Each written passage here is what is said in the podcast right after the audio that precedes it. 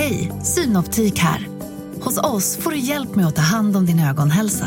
Med vår synundersökning kan vi upptäcka både synförändringar och tecken på vanliga ögonsjukdomar. Boka tid på synoptik.se.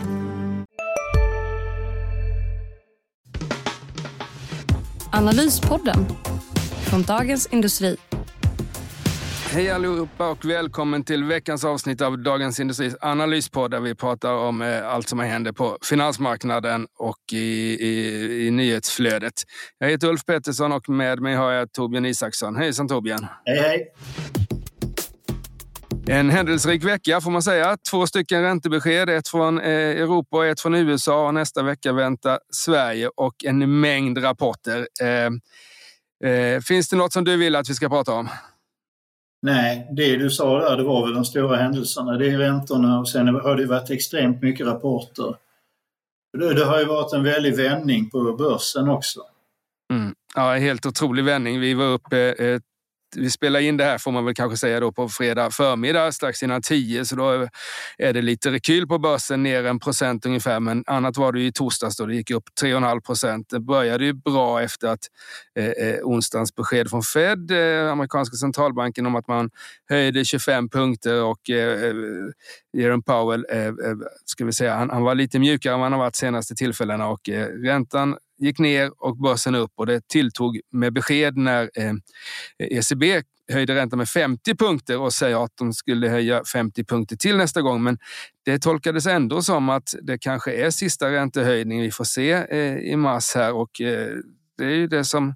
Då, då, då fick marknaden eh, närmast eh, liksom eh, här. Det var rejäla uppgångar. Det var många bolag som steg 10 procent, framför allt de här Kinnevik och sånt här som är så att säga, tillväxt, hög risk, hög tillväxt, hög värderingsbolag gick riktigt, riktigt starkt. Det är lite de, de som gick dåligt innan, alltså fastigheter och, och sådana tekniktungt bolag som Kinnevik de är ju enorma vinnare här helt plötsligt. Ja, och eh, det var Financial Times som hade en artikel i veckan att eh, liksom en, eh, jag kommer inte ihåg vad de kallade uppgången exakt. Det var något engelskt roligt ord eh, eh, om att det liksom är bara dåliga grejer som stiger här. Det är bitcoin och det är liksom eh, eh utbombade tillväxtbolag och Stockholmsbörsen skrev de då också för den steg, steg mer än, än alla andra marknader. Men ska vi prata om något som inte steg kanske? Det är ju nästan lite roligare om man är journalist och då har vi faktiskt två bolag i alla fall bland alla dessa som har stigit som inte har stigit. Vi har Humana och vi har Electrolux och du har ju skrivit i veckan, eh, Torbjörn, om Humana och Electrolux har du ju koll på eftersom du har varit i, i, i det här, hållit på med det här i 30 år i alla fall. Ja. Vilka vill du börja prata om? Ja, vi får börja med Humana. Ska jag dra liksom lite vad som har hänt där ja. för de som har helt missat det? Det är ju eh, eh, Humana, eh, vårdbolaget eh, som har lite olika verksamheter, men en av, den största verksamheten är personlig assistans eh, service och där då kom IVO som är eh, myndigheten som övervakar det här och drog tillståndet eh, för dem för de hade misskött eh, och det får du betala sen. Men det 10 februari så kan inte de bedriva någon vård om de inte får, får så att säga eh, respit här under en period. Men sen så så, ja, Torbjörn, du, du skrev som sagt att den här aktien mer än halverades på det här och det är en fullständig katastrof förstås för bolaget eftersom det dessutom är ganska skuldsatt. Ja, det är det ju. Och det, men det är väl egentligen bara en tredjedel av bolaget som berörs av det här beslutet. Men ändå halveras aktien. Så att det, det är ju en jättemisstro. Det är mot Humana och det är mot hela, hela den sektorn har, ju, har det ju ganska motigt. Och, och det här gör ju att det blir väldigt svårt för de här aktierna överlag. Men en eh, annan grej jag tittar på här det är ju att det är ju verkligen inga duvungar som sitter i, i styrelsen för Humana. Utan det är människor som, som borde ha koll. Eh, Fredrik Strömholm här som kommer ifrån, som är huvudägare, som, som kommer från Altor sitter i styrelsen för en väldig massa hälsovårdsbolag och det är Sören Mellstig som har varit Gambro-VD som också har en väldigt gedigen rutin från eh, hälsovårdssektorn. Det, det är människor som varit med väldigt länge och verkligen borde ha koll och ändå så kommer ett sånt här fullständigt dråpslag. Ja, och det är ju alltså mycket i ja, vi kan dra, eh, som idag så har vi en aktie eh, som är ner 40 procent. Det är Sint. Det har ju inte alls någonting med vård att göra, men det är också och det är klart, krångliga verksamheter. Man, tyck, man har inte tyckt att Humanas verksamhet är särskilt krånglig, men man, liksom att, man har ändå förlitat sig på eh, styrelsen. Det är ju så att säga styrelsen som är aktieägarnas eh, eh redskap i det här och som måste liksom hålla i eventuell företagsledning som springer iväg för mycket och försöker eventuellt liksom eh, frisera siffror eller vad man ska säga. Men, och där, där är ju just, då är det ett riktigt dråpslag då när det är två så väldigt rutinerade människor förutom en hel del andra i Humanas och det blir så här. Vi får väl se, det lär väl eh, vara fortsättning följer här för det är nästa fredag som, som, vi, som vi vet om, om verksamheten upphör eller inte. Men det är ju, ett... det är ju, det är ju överklagat och det är inte så att myndigheter alltid gör allting rätt heller. Men bara, bara det att eh, det kan få sådana här enorma effekter på ett bolag gör, gör ju att man måste vara väldigt försiktig. Och det är ju en varningssignal skulle jag vilja säga till aktieägare och styrelser i andra bolag att man kan inte bara förlita sig på att allting rullar på som vanligt. Nej, och det är ju det är lite spännande det här med när, liksom, när myndigheter har så mycket att säga till om. Ibland i vissa företag så upplever man det som en väldig eh, styrka då om man så att säga eh, har en, en, en, en barriär i form av eh, olika myndighetstillstånd, läkemedelsbolag, eh, särskilt sånt. Har du liksom ett patent och så där så är du ju skyddad av det och, och på andra sätt om det är reglerat. Men det är klart att om den där muren faller som det gjorde i, i Ambea här i veckan, då, då står ju bolaget naket kan man väl säga. Humana menar du?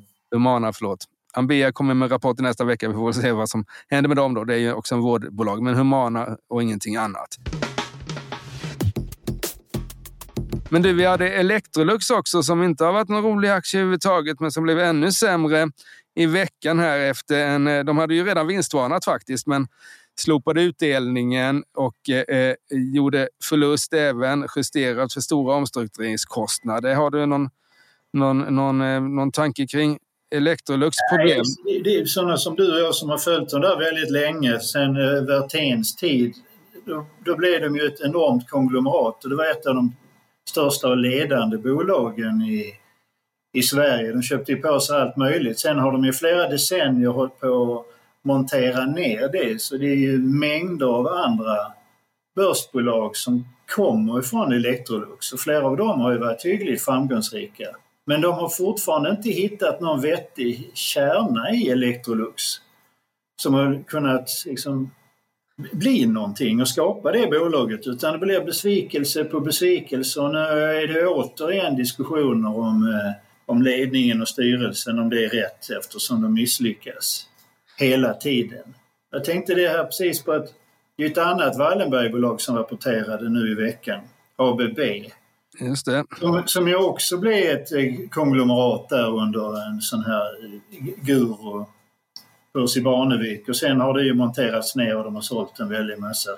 Men där verkar de ju ha hittat en mycket bättre ledning och där pratar de ju nu om att de, är, de, de ska kunna gå på offensiven och, och köpa och, och, de har ju hittat en roll som funkar. Så det verkar ju ha gått mycket bättre än eh, Electrolux som bara harvar på och misslyckas ständigt. Ja, men jag tror du är inne på någonting där. För man behöver inte dra hela Electrolux eh, historik då, eh, för då blir det, ingen, eh, då blir det inte en, en, en 20 minuters podd utan två timmars podd. Men Autoliv, Dometic, Electrolux Professional senast, det tillhör de bolag som kommer därifrån. Eh, Getinge fanns väl i Electrolux också. Ja. Och det som har blivit då, det är ju att alla de här som har kommit ut från eh, Electrolux har ju gått bättre än, än än det som finns kvar under namnet Electrolux. Och då är det väl lite så att man särnoterar det som man ser tillväxtmöjligheter, eh, både organiskt och inte minst förvärvsvägen mellan stora Electrolux är så stora då på sina amerikanska och europeiska marknader så att, så att säga växa genom genom eh, förvärvad tillväxt har visat sig väldigt svårt. Då, för ska man göra något större så åker man på, på liksom, eh, eh, får man inte göra det. Och så har man ju valt bort då de här tillväxtmarknaderna, exempelvis Kina och så där finns man inte. Ehm, och nu är det väl för sent att gå in där, men det skulle man kanske ha gjort tidigare då, för det finns kinesiska bolag som växer väldigt kraftigt och har inte riktigt hittat. Och så försöker man då med, med olika, liksom, det är konsumentvaror. Hej, Ulf Kristersson här. På många sätt är det en mörk tid vi lever i.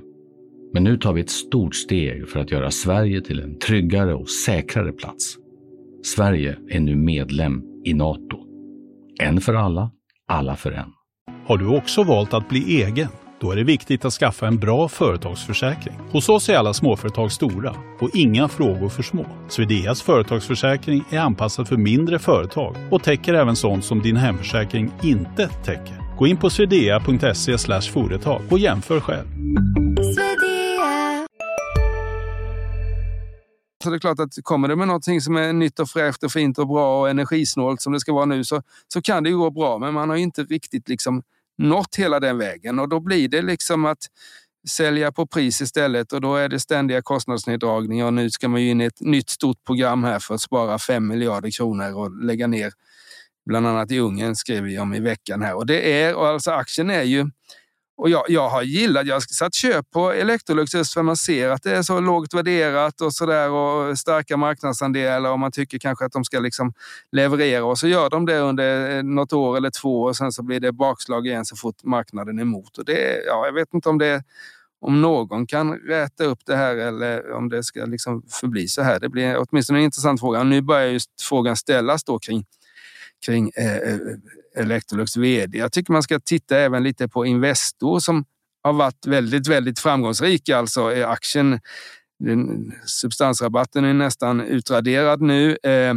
men tittar man på Investor så är det eh, några bolag som inte, som inte levererar riktigt där. Wärtsilä levererar inte. Husqvarna eh, har ju sig stigit sista veckan men ligger långt från toppennivåerna. Electrolux är ett annat sånt där bolag. Och det är faktiskt bolag som betyder väldigt lite för Investor. Det är bara en, ett par, tre procent av substansvärdet medan de här stora pjäserna går riktigt, riktigt bra då med, mm, med Atlas och Astra som har vänt upp och SEB har ju också gått väldigt bra. Så det är möjligtvis att, att liksom att det är inte fullt fokus för, från Investors sida eftersom Investor inte har så mycket, så mycket insats på bordet i de där bolagen. Det, det verkar väl vara ett problem i, i Ericsson också kanske, där ja. huvudägarna egentligen har väldigt lite av sitt kapital i bolaget.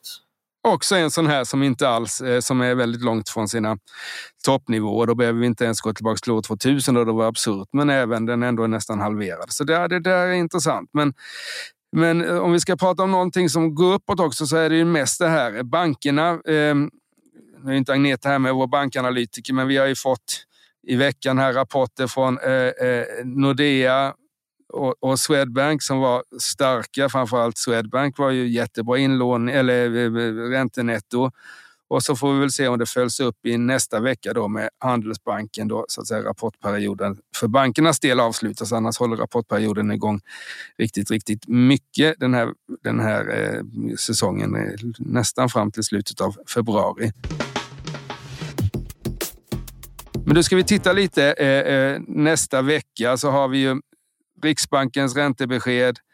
Vi har SAS-siffror. Eh, ja, vi har lite, lite allmänt. Vi har inte pratat så mycket om byggbolagen som, eh, som har faktiskt kommit idag. Idag är lite av byggdag då, med både Skanska och Peab och vi hade JM tidigare i veckan. Är det någon, något du, du brukar titta på dem ibland? Jag brukar titta på dem, men du har väl tittat extra mycket på dem den här gången kanske? Vad, vad är din slutsats? Ja, det är ganska stora skillnader i, i, i kursrörelse har varit här på, på rapportdagarna. Tar vi JM då så var den upp 20 procent på en eh, jätteutdelning. Peab är ner drygt 10 procent på sin rapport och eh, Skanska mitt emellan med i stort sett oförändrad kurs eh, en timmes, efter en timmes handel. Och Peab var lite, det är alltså Skanska hade en jättebra orderingång eh, jättebra byggmarginal medan det var tuffare i Peab där orderingången var svag.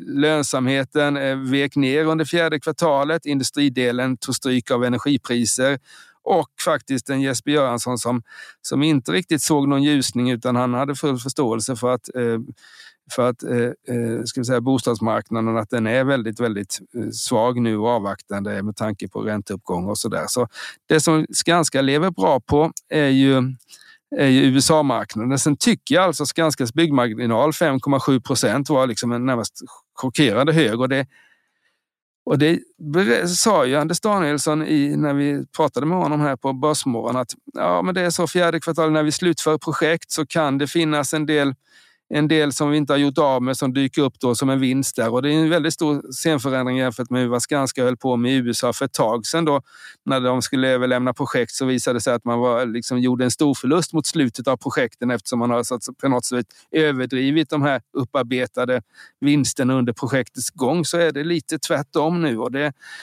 det är ju eh, eh, en, en riktig styrka och, och, eh, marknaden blir ju lättare av sånt där att man inte åker på de här miljardsmällarna som man lätt kan göra i ett, i ett byggbolag annars. Skanska har väl alltid haft lite i ladorna att plocka fram när det krävs. Även om de har, har bekymmer på många håll så finns det alltid någonstans i någon, någon gömma känns det som, så plockar de ju fram någonting. Motsatsen är väl ett sånt bolag som Serneke som hela tiden kör på marginalerna. Så alltså, den typen av byggare har det ju väldigt svårt. JM lever väl också, de har ju ändå väldigt mycket land och de har ju mycket mark. Alltså de, har ju, de har ju ändå så att de klarar sig ganska länge men sen kan man ju ändå ifrågasätta att de delar ut så pass mycket som de gör vilket väl är, hänger samman med att de har en, en, ägare i form av SBB som behöver pengar för att SBBs huvudägare Ilja Batljan i sin tur behöver pengar. Ja, det var alltså den utdelnings... Alltså vinsten, tittar man på JMs vinst och då är ju den ändå så att säga, det är inte...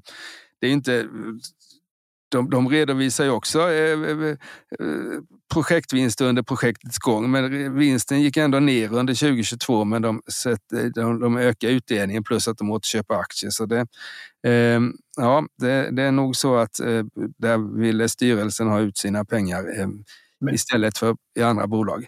Det här med utdelning är ju intressant. Som, då när, när Castellum, som skulle bli den första aristokraten här, pasade sin utdelning så kunde man ju tro att det skulle komma, komma många fler. Men nästan, eh, alltså det är väldigt många som höjer utdelningen. Ja, det är spännande. Bra, eh, ska vi eh, vi har tittat lite framåt. Eh, jag nämnde SAS och eh, Erik Thedéens första eh, räntebesked som riksbankschef kommer ju också här på torsdag. Är det någonting som du, som du kommer titta på extra i, i, nästa vecka som du vet redan nu Torbjörn? Vi har ju för ABG som, det har ju bara kommit platser hittills av fastighetsbolagen. Just det. Och det är, det är ju fortfarande så att det var en ganska liten nedskrivning och de, det, det, det syns fortfarande inte i fjärde kvartalet heller särskilt mycket av den här krisen för fastighetsbolagen som man pratar så mycket om. Så att, men det blir ju ändå intressant att se för ABG är ju en äh, jättestor pjäs på kontorsmarknaden i Stockholm. Mm. Ja, det är intressant. Är det, ju, är det ju då trafiksiffrorna från SAS. Och där skulle jag väl säga att det intressanta är kanske inte trafiksiffrorna utan det är ju den här nyemissionen går som de skulle börja dra igång i slutet på januari. Och den är ju helt avgörande. Om inte det lyckas så, så talar väl det mesta för att danska staten kommer att ta ett eh, rejält grepp om SAS. Så att de här veckorna när, när de drar igång sin, kring sin nyemission är ju ganska avgörande. Och sen, ja, om danska staten då tar över så kan man ju tänka sig att det är ganska negativt för Arlanda och de flyttar huvudkontoret. Så, eh, så det, det kommer nog att hända en hel del där. Ja, Spännande. Och eh, för börsen så kommer det fortsätta ramla in massvis av rapporter. Vi har nämnt några här. Securitas kommer också. Skulle jag bara göra en liten, liten tillrättaläggande. Vi fick Atrium Ljungberg faktiskt här också i, i veckan, ett fastighetsbolag ja. som faktiskt skrev ner, skrev ner värdena en del. Jag tror det var 2% av substansvärdet de skrev. Ja, de skrev ju ner i platser också. Ja. Men, Men så, det är ganska, ändå ganska små nedskrivningar och det, det är ju ingenting jämfört med de här enorma kursnedgångarna vi har sett. Nej. Nej, det är spännande och det kommer bli en väldigt spännande nästa vecka. Så nu får ni ta och vila upp er den här helgen och så återkommer vi nästa fredag med ett nytt poddprogram. Eh, och den som har pratat idag heter Ulf Pettersson och Torbjörn Isaksson. Och när ni har lyssnat på våra 20 minuter här så får ni gärna lyssna på våra övriga poddar också. De blir fler och fler för hela tiden. Vi har en makropodd, vi har en digitalpodd och en ledarpodd och en daglig podd och en, även en privatekonomisk podd. Så det är bara att poddlyssna på och eh, fortsätta att eh, eh hänga med så försöker vi förklara vad som händer i, i, i, på finansmarknaden. Ha det bra nu. Tack ska ni ha. Analyspodden från Dagens Industri. Programmet redigerades av Umami Produktion. Ansvarig utgivare Peter Fellman.